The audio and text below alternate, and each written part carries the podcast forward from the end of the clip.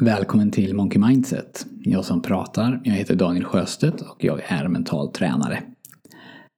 Om du vill hålla lite koll på vad jag gör och vad som händer i Monkey Mindset så vill jag tipsa om mitt nyhetsbrev.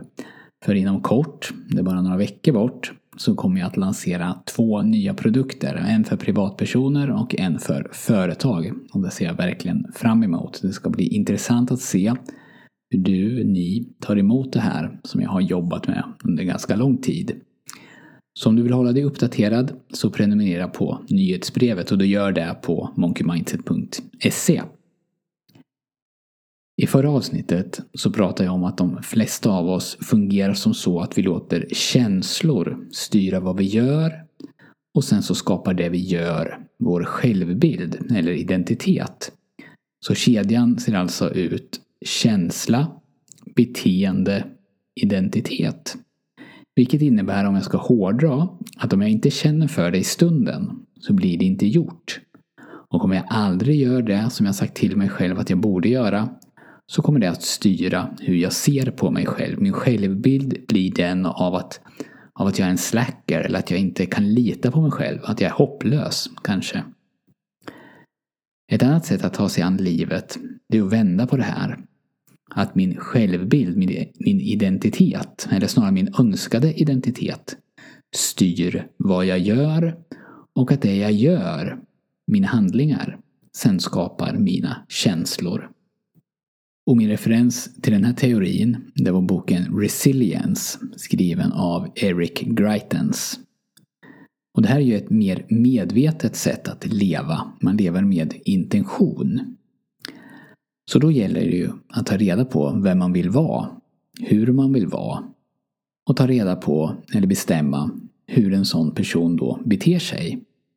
Och sen göra vad man kan för att börja införa de här beteendena. Och då finns det förstås massor av sätt som du kan börja. Mitt, mitt generella råd det är att du först beskriver vem du vill vara så noga du kan. Du skriver ner det helt enkelt. Och sen skriver du ner vilka beteenden som du vill införa eller sluta med. Och du skriver ner de här i form av sådana här om så-algoritmer. Implementation intentions. Och du gör det så noga du kan. Om det är onsdag så äter jag torsk till lunch. Och för att förenkla det beteendet, att äta det du har bestämt på onsdag, så kanske du behöver gå tillbaka och skriva en till sån här om så-algoritm. Om klockan är 19.00 och det är tisdag, så lagar jag torsk till morgondagens matlåda. Och för att förenkla det så kanske du behöver gå tillbaka ännu mer. Om det är fredag och klockan är 18 så beställer jag nästa veckas matkasse enligt det matschema som jag har gjort upp. Bara som exempel. Och om det är många beteenden som du vill förändra, vilket förstås är okej, okay, så kan du antingen försöka göra allting på en gång eller så kan du börja smått. En eller ett par saker i taget. Jag pratar ju väldigt mycket om att börja smått.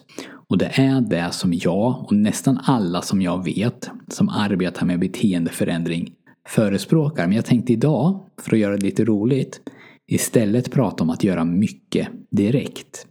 För ibland kan det ju funka att göra mycket på en gång, alltså en stor förändring.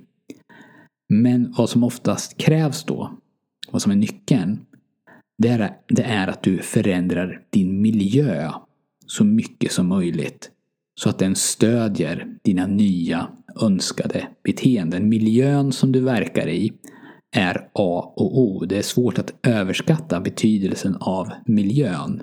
Så om du radikalt då vill förändra till exempel din sömn så gör du det du kan praktiskt för att din miljö, ditt sovrum, ska vara så optimerat som möjligt för sömn. Du kanske köper en bok eller googlar på hur man skapar det perfekta sovrummet för sömn. Och sen gör du det du kan, rent praktiskt, för att ditt sovrum följer de här reglerna som finns.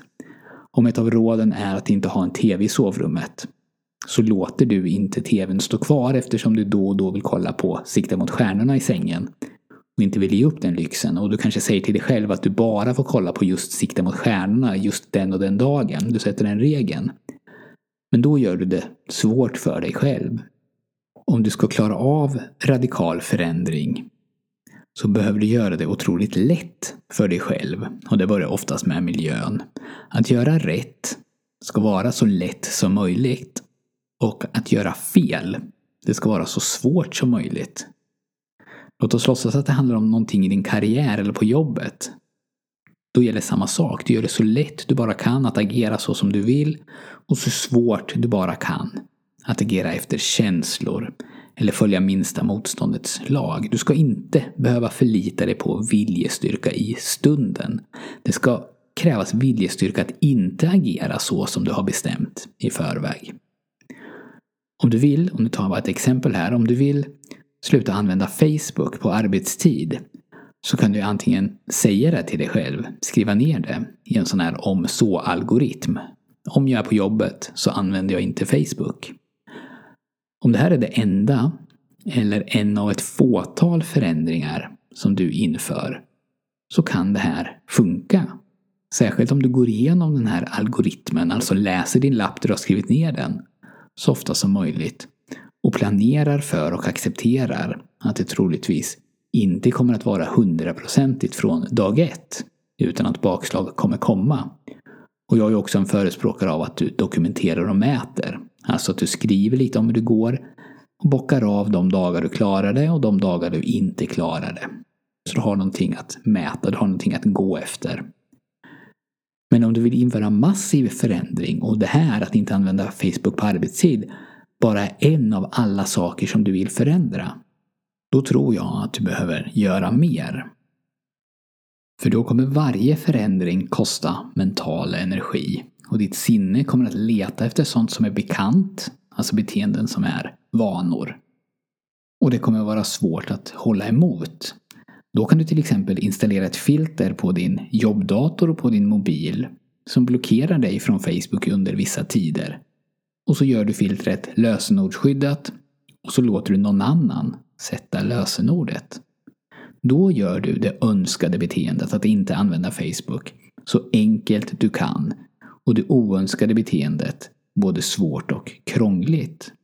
Så ju större förändring du vill införa eller ju fler saker du vill förändra samtidigt desto viktigare blir miljön. Och miljö handlar ju också om sånt som vilka personer du omger dig med. Det är förstås enklare att agera på samma sätt som alla andra runt omkring dig än att agera helt motsatt dem. Och egentligen så är det här inte så krångligt och jag tycker också att det är ganska logiskt. Hur ser det ut hemma till exempel hos någon som redan lever det liv som jag vill leva, som har den identitet som jag vill ha? Om en del av min önskade identitet är att vara mer närvarande hemma med fru och barn så kan man ju tänka sig att någon som redan är det har färre distraktioner i sitt hem. Kanske har fler ytor som underlättar för umgänge. Kanske gör vissa saker annorlunda än vad jag gör dem, prioriterar på ett annat sätt. Så vi gör det så enkelt som möjligt att umgås och så svårt som möjligt att inte umgås. Eller kanske snarare så enkelt som möjligt att få det som vi vill och så svårt som möjligt att smita från att få det som vi vill. Matlagning. Det kanske är någonting man gör tillsammans. Och om barnen ska vara med så behöver man hitta saker som barnen kan göra och som de tycker är roligt. Om jag vill ha det på ett visst sätt, om jag vill vara på ett visst sätt, då behöver jag fundera på hur en som redan har det så gör. Och hur ser den personens miljö ut? Så en kort sammanfattning kan lyda så här. Din miljö styr till stor del dina beteenden. Vill du förändra dina beteenden så förändra din miljö. Ju mer förändring, desto viktigare blir miljön. Om du vill så kan du få det du behöver för att komma igång med mental träning av mig.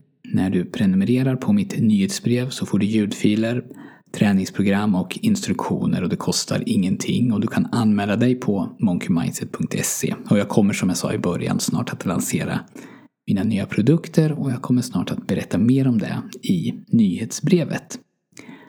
Tusen tack för att du har lyssnat. Ta hand om dig, ta hand om dina kära. Och om du vill så hörs vi snart igen.